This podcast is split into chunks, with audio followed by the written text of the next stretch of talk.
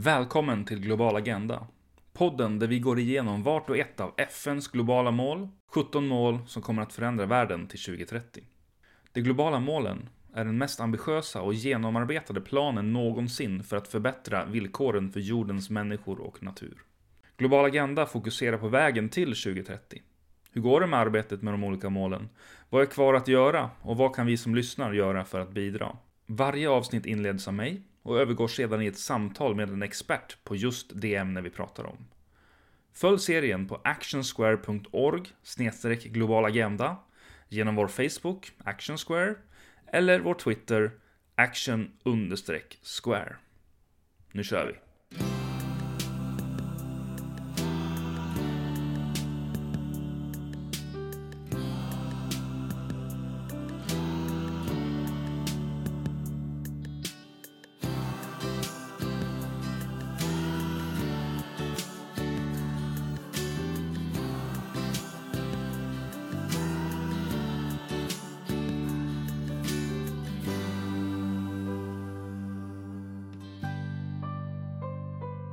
Spelar in det här introt kvällen innan vi publicerar det tredje avsnittet av Global Agenda, som handlar om global hälsa. Och ursäkta kvaliteten, jag behövde spela in detta intro på nytt utan tillgång till vår vanliga utrustning. Anledningen är att det för någon timme sedan har nåtts av nyheten att Hans Rosling har gått bort. Detta avsnitt spelades in på hans tidigare arbetsplats, Karolinska institutet. Annars hade vi naturligtvis pratat mer om Hans och den gärning han har gjort. Hans Rosling blev världsberömd efter ett par av hans föreläsningar blivit virala. Han var läkare och forskare och kanske den viktigaste folkbildaren kring globala frågor i hela världen. Roslings genuina passion för samhällsförändring och att visa att världen faktiskt mår bättre än vad vi tror har inspirerat mig i mitt arbete, antagligen mer än någon annan. Han var professor i global hälsa, det tema som veckans globala agenda ska handla om. Mål 3 handlar alltså om att nå en värld där ingen ska behöva lida eller dö på grund av något som går att förebygga. Jag pratar i det här avsnittet med Tobias Alven, barnläkare och forskare i global hälsa vid Karolinska institutet. Han är också ordförande för Svenska Läkaresällskapets kommitté för global hälsa. Tobias har under de senaste 15 åren forskat och undervisat över hela världen och är för närvarande involverad i projekt i bland annat Etiopien, Sverige, Uganda och Vietnam. Global hälsa hade en väldigt framträdande plats under millenniemålen och stora framsteg gjordes mellan 1990 och 2015. Bland annat så mödradödligheten och barnadödligheten halverades och eh, snabba spridningen av både aids och TB, tuberkulos och malariaepidemierna hindrades. Och även extrem fattigdom som ju är om kanske den viktigaste bidragande orsaken till ohälsa i världen, mer än halverades under tiden man mätte millenniemålen. År 2000 när millenniemålen antogs så visste vi egentligen ganska lite om hälsosituationen i världen. Hur många barn dör? Hur många mödrar dör? Hur ser situationen ut? Och framförallt i de fattigare länderna i världen så visste vi alldeles för lite. Men genom att satsa på bättre uppföljning, bättre utvärdering så har vi blivit väldigt mycket rikare på kunskap om hur situationen ser ut i världen. Så Det har millenniemålen också bidragit till. Men sen tycker jag det är viktigt på något sätt att det har hänt mycket, det har blivit bättre. Men millenniemålen för barnahälsa och mödrahälsa, de var ambitiöst uppsatta, de uppnåddes inte. Utan det var på något sätt millenniemålet för barnhälsa var att man skulle minska barnadödligheten med två tredjedelar på 25 år och man kom upp till halva minskningen men inte hela vägen. Och för mödrahälsa så var det en minskning på tre fjärdedelar. Och där kom man också en bra bit på vägen men uppnådde det inte. Så det var mycket kvar att göra. Fortfarande varje år så dör det ungefär 300 000 kvinnor under eller i samband med graviditet och förlossning. Och nästan 6 miljoner barn dör varje år före sin femte födelsedag. Så det går liksom inte att säga att vi var duktiga med millenniemålen, nu sätter vi oss, nu har vi det gjort. Utan det finns massvis kvar att göra. Som jag har förstått det så var det vissa saker var ganska enkla, enkla gjort och hade väldigt stor effekt. Absolut. Först så spelade den ekonomiska utvecklingen en väldigt stor roll. Att världen lyckades halvera den extrema fattigdomen. För extrem fattigdom, lever man i extrem fattigdom så är det väldigt svårt att ta hand om sig själv och sina barn och ha god hälsa. Så det viktigaste var den ekonomiska utvecklingen. Att jorden gick framåt där. Fler människor fick pengar, det investerades mer i hälsa. Och sen så var det även tydligt att det finns vissa hälsoinsatser som är väldigt viktiga. Och där kan vi börja med vaccineringar. Vi blev mycket bättre på att vaccinera jordens barn. Till exempel mässling lyckades vi minska från över en halv miljon dödsfall varje år till ungefär 100 000. Och där har vi ett effektivt vaccin som vi nu lyckats sprida ut. Det finns fortfarande delar på jorden där det finns mässling men det är mycket, mycket ovanligare. Och i fattiga länder så är det en väldigt farlig sjukdom. Även i rika länder så är det en farlig sjukdom. Och sen så även att vi ökade tillgången till behandling för lunginflammationer, diarréer, malaria och sen Ja, det är många olika bitar som krävs för att uppnå det här. Men det är några av de viktigaste bitarna. De här målen ska vara nådda till 2030. Vad, vad kommer krävas av politiker och, och, organisationer nu de kommande ja, 13 åren liksom, för att kunna nå de här målen som vi har satt upp? Det är en bra fråga och där är Agenda 2030 och de 17 globala målen för hållbar utveckling. De skapar ett väldigt bra ramverk för världens utveckling de kommande. Nu är det bara 13 år kvar faktiskt tills det är 2030, det går fort. Och en stor skillnad från millenniemålen är att hållbarhetsmålen nu, Agenda 2030, ännu tydligare visar att ekonomisk, ekologisk och social utveckling och då i social utveckling inkluderande hälsa är tätt knutna tillsammans. Och att det här är ingenting som länder kan jobba enskilt med utan vi måste jobba tillsammans för att uppnå de här 17 målen.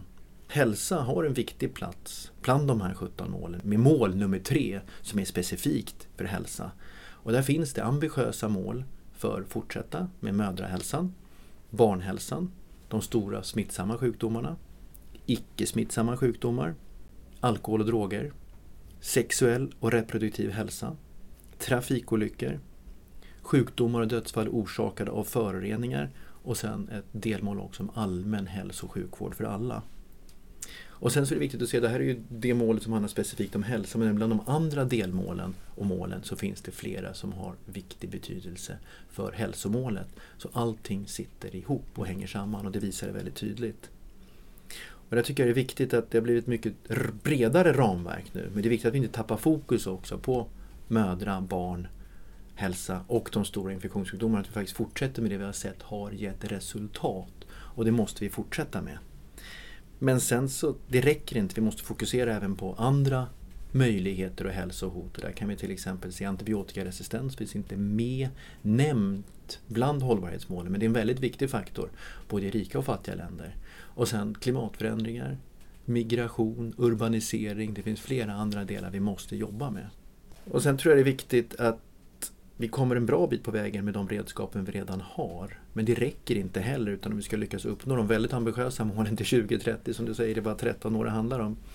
Så är det viktigt att vi tar fram nya och mer effektiva sätt att förebygga sjukdom, behandla ohälsa, bättre möjlighet till diagnostik, bättre mediciner och bättre och effektivare sätt att nå ut till dem med allra störst behov också.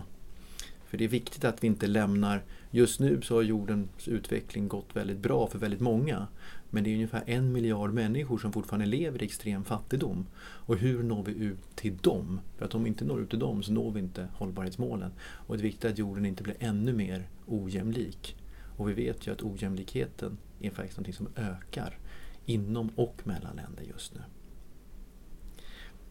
Och sen skulle jag även vilja nämna och ta upp om att själva formuleringen av mål nummer tre, som är formulerat på svenska om att vi ska säkerställa hälsosamma liv och främja välbefinnande för alla i alla åldrar.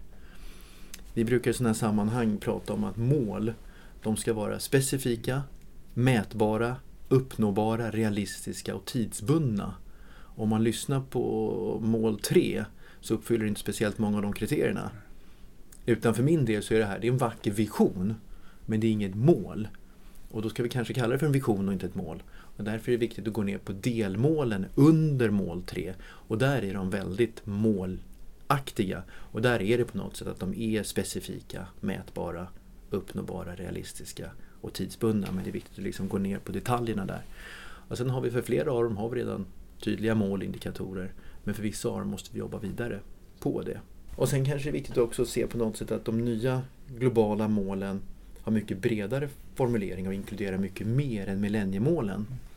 Och det finns både för och nackdelar med det tycker jag. Och det är viktigt att liksom vara öppen med det. Att fördelarna är att ingen lämnas utanför, att vi täcker in väldigt mycket av det vi har i vårt samhälle idag. Nackdelarna är att om man försöker göra allt så är det ibland lätt att ingenting blir gjort för att det känns för stort och för svårt. Så att vi får inte tappa fokus bland det stora hela tänker jag. Bra hälsovård kostar väldigt mycket pengar. Hur kan det finansieras eh, i kanske då länder som kanske har ganska dåliga statsfinanser redan nu och, och hur, hur, lyfter man upp det här och kan säkerställa då att, att det blir en, en bra sjukvård och en bra ja, levnadsvillkor generellt? Mm, det är också en jätteviktig fråga och ibland är det lätt att folk nästan hoppar över den frågan för det är lättare att diskutera vad man ska göra eller hur. Men själva finansieringen utan det, utan resurser, då händer ingenting. Mm. Och där tycker jag det är viktigt att i de flesta länder i världen så finns det att regeringarna har tillräckligt med resurser för att faktiskt kunna satsa på hälsan för sina egna invånare. Utan det är en prioriteringsfråga. Och som du säger så är hälsa och god hälsa, det är dyrt. Men det är en basal hälsovård för sina invånare. Det kan egentligen 6 miljarder av jordens 7 miljarder människor lever i länder där man har de pengarna om man prioriterar rätt. Men det handlar om att prioritera och våga sätta hälsan först. Utan god hälsa ingen ekonomisk utveckling. I stort sett ingen ekonomisk utveckling utan god hälsa. Det blir liksom att det hänger ihop åt de hållen. Sen har vi den fattigaste miljarden människor varav många bor i väldigt, väldigt fattiga länder. Inte alla men många. Och i de länderna så räcker inte resurserna till själva utan här har bistånd en roll att spela. Och då är det viktigt att vi fokuserar biståndet på de mer absolut största behovet. Och återigen kanske inte smetar ut det överallt utan de länder där behoven är störst, det är där vi ska satsa på bistånd. Och där har till exempel samarbetet mellan rika och fattiga länder vad det gäller aids-epidemin har de senaste 15 åren visat väldigt goda resultat. Att det går att tillsammans arbeta i svåra situationer. Det går att arbeta i fattiga länder med väldigt goda resultat. Kan vi hoppa in på det med det här med, med, med HIV och, och, och, epidemier? Hur går det där? Har vi några goda nyheter? Ja, om vi tittar tillbaka på år 2000 när millenniedeklarationen och sen millenniemålen antogs så då pekar alla kurvor för aids åt fel håll. Antalet nyinsjuknade ökade för varje år. Fler och fler länder drabbades av aids-epidemin. Antalet dödsfall i aids bara ökade. Och behandlingen för en enskild individ som levde med hiv var 10 000 dollar per år bara i medicinkostnad. Fullständigt omöjlig summa att uppnå i de absolut flesta länderna på jorden. Men sedan mitten på 2000-talet så har kurvorna börjat vända åt rätt håll. Färre nyinsjuknade, från 3 till 2 miljoner. Störst skillnaden för barn, där antalet barn när det var som värst, då insjuknade 500 000 barn varje år. Det har sjunkit till ungefär 150 000 barn. Fortfarande alldeles för många när det finns effektiva möjligheter att förebygga det, men väldigt, väldigt mycket färre. Och även antalet dödsfall i aids har minskat från ungefär 2 miljoner till 1,2 miljoner per år. Och de sammanlagda investeringarna, vad jorden investerar tillsammans på något sätt, från i, eh, har ökat från ungefär 5 miljarder US-dollar till 22 miljarder US-dollar. Så det är väldigt mycket mer pengar som satsas på det här. Och när man sen ser på vad läkemedelsbehandlingen kostar för hiv så har kostnaden gått ner från de 10 000 dollar vi pratade om till 100 dollar per år. Så det är en faktor 100. Det är en enorm skillnad. Och när man ser på antalet som då har fått behandling och står på behandling nu så var det ungefär en miljon för lite drygt 15 år sedan och nästan bara i jordens rikaste länder. Nu är uppe i 17 miljoner människor som får den här livsavgörande behandlingen och majoriteten av dem lever i Afrika söder om Sahara. Många i fattiga länder där samarbete mellan rika länder och länderna själva har åstadkommit det här. Så vi har inte nått fram. Aids-epidemin är fortfarande ett globalt hot men vi har gjort väldigt mycket. Och sen beror det på hur man ser på glaset. Är glaset halvfullt eller halvtomt? Jag tycker det kan vara viktigt att se att glaset faktiskt är halvfullt. Men vi kan inte nöja oss med det. Vi måste hjälpa till och på något sätt komma den sista biten på vägen. Och där har vi ju hållbarhetsmål eh, 3.3 som säger att senast 2030, nu säger vi till och med att man ska utrota epidemin av aids, tuberkulos, malaria och försummade tropiska sjukdomar samt bekämpa hepatit, alltså leversjukdom, vattenburna sjukdomar och andra smittsamma sjukdomar. Men där är det viktigt att formuleringen låter utrot, det låter som att det inte ska finnas alls. Men när man sen går ner sig på detaljerna så är det utrotare som ett folkhälsoproblem. Det kan fortfarande ske i enstaka fall men det ska inte vara på de nivåerna vi har idag. De globala målen fyller en viktig funktion. För bland de globala målen, som jag sa, så pratar man om att utrota epidemierna av aids, tuberkulos, malaria och försummade tropiska sjukdomar. Och då finns det med här, då är det lätt att gå tillbaka. Men det här är faktiskt ett av de globala målen, låt oss arbeta kring det. Och där är det viktigt då för läkemedelsföretag som många, inte alla, men många ser rent krast vad, vad ger slutresultatet på något sätt? Så är det ofta lönsammare att investera pengar i att ta fram ytterligare ett läkemedel för att sänka blodfetterna mm. än för att ta fram ett nytt tuberkulosmedel. Så vi måste kanske också finna nya system i hur man finansierar framtagandet av nya läkemedel. Och det är precis samma sak vad det gäller nya antibiotika att i och med att vi får allt mer antibiotikaresistens så behöver vi nya antibiotika som kommer. Vi har väldigt, väldigt lite i pipelinen där just nu. Och där är det ju, en antibiotikakur tar man fem, kanske tio dagar. Medan något läkemedel mot blodfetter, det är, när du väl börjar ta det så tar det livet ut. Så det är mycket lönsammare ofta sådana här livsstils eller på något sätt att minska kroniska sjukdomar. Och därför måste man kanske finna sätt att finansiera även framtagandet av nya antibiotika med globala fonder, globala forsknings, att man hittar ett sätt att om man väl får fram det här, ett läkemedelsföretag får en ersättning på global nivå istället för bara när man säljer läkemedlet. Mm. Exakt hur det ska fungera, det är svårt. Alltså vi är på Karolinska institutet nu och det bedrivs ju forskning kring sjukdomar och sådana saker. Om det är några sådana här genombrott som är på väg att hända, var kommer vi att se nästa hopp i utvecklingen när det gäller global hälsa tror du? Där tror jag att en del är att vi faktiskt inte vet. Ibland kommer genombrott väldigt snabbt. Vad är på något sätt de svarta svanarna när man minst anar det? Helt plötsligt är det någon vetenskapsman eller kvinna som har kommit på på något sätt. Men titta, nu har vi faktiskt lyckats hitta ett vaccin. Vi har lyckats hitta en behandling mot det här vi inte trodde förut. Men det räcker inte med att sätta hoppet till det utan det är på något sätt dagligt arbete med att bli lite bättre på det vi gör. Och där vill jag det, slå ett slag för det här med att faktiskt med den tekniken vi redan har idag så skulle man kunna förebygga till exempel ungefär två tredjedelar av alla de dödsfall som inträffar bland barn. Om man bara tog den tekniken och förde ut dem i de länderna där det behövs allra mest. Så det är inte ny teknik eller nya genombrott utan det är faktiskt få ut det som redan fungerar. Och hur kan vi bli bättre på det? Och det är bland annat något vi jobbar med forskning här i de områden i världen där det fortfarande inte finns någon hälso och sjukvård alls. Om ditt barn får feber och får malaria, då finns det områden där det finns ingenstans att gå. Och det är att utveckla vad som kallas för byhälsosjukvård eller community health workers. Ofta kvinnor, läs och skrivkunniga med lite mer utbildning än andra men ingen egentlig hälso och sjukvårdskompetens. En kortare utbildning. Och när nu barn får feber och det kan vara malaria, gå dit. Ta ett snabbtest för malaria, få behandling. Är det inte malaria kan det vara lunginflammation, få behandling för det.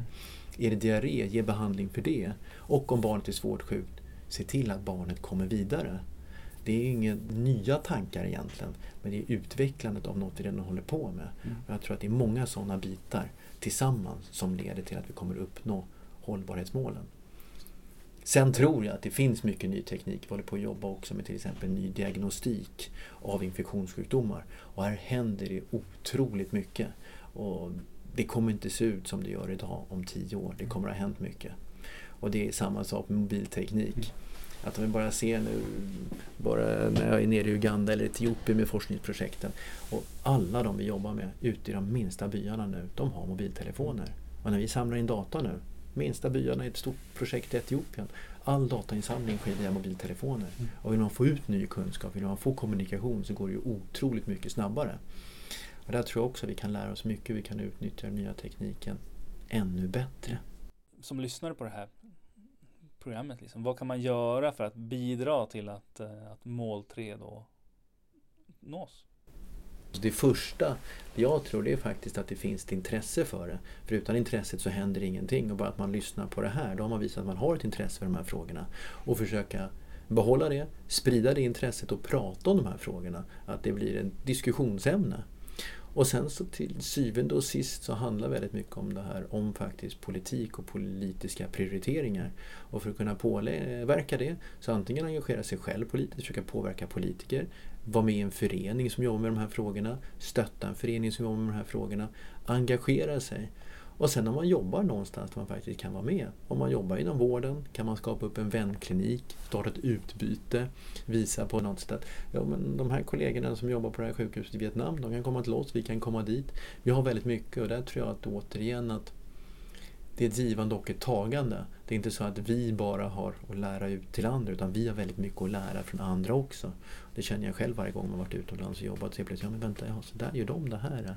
Och så här gör vi det här. Och det blir att ja, vi har någonting att tjäna på det allihopa. Det tror jag.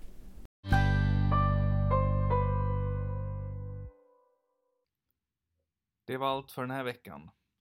Nästa vecka är vi tillbaka med samtal om globala mål nummer fyra som handlar om rätten till god utbildning. Då pratar jag med Isan Kelesioglu från Rädda Barnen. Tills dess tycker jag att du kan följa oss på actionsquare.org snedstreck globalagenda via vår Facebook eller Twitter. Sök bara på Action Square. Och vi finns i din favoritpodd-app. Hör gärna av dig till oss på info actionsquare.org. Vi hörs nästa vecka.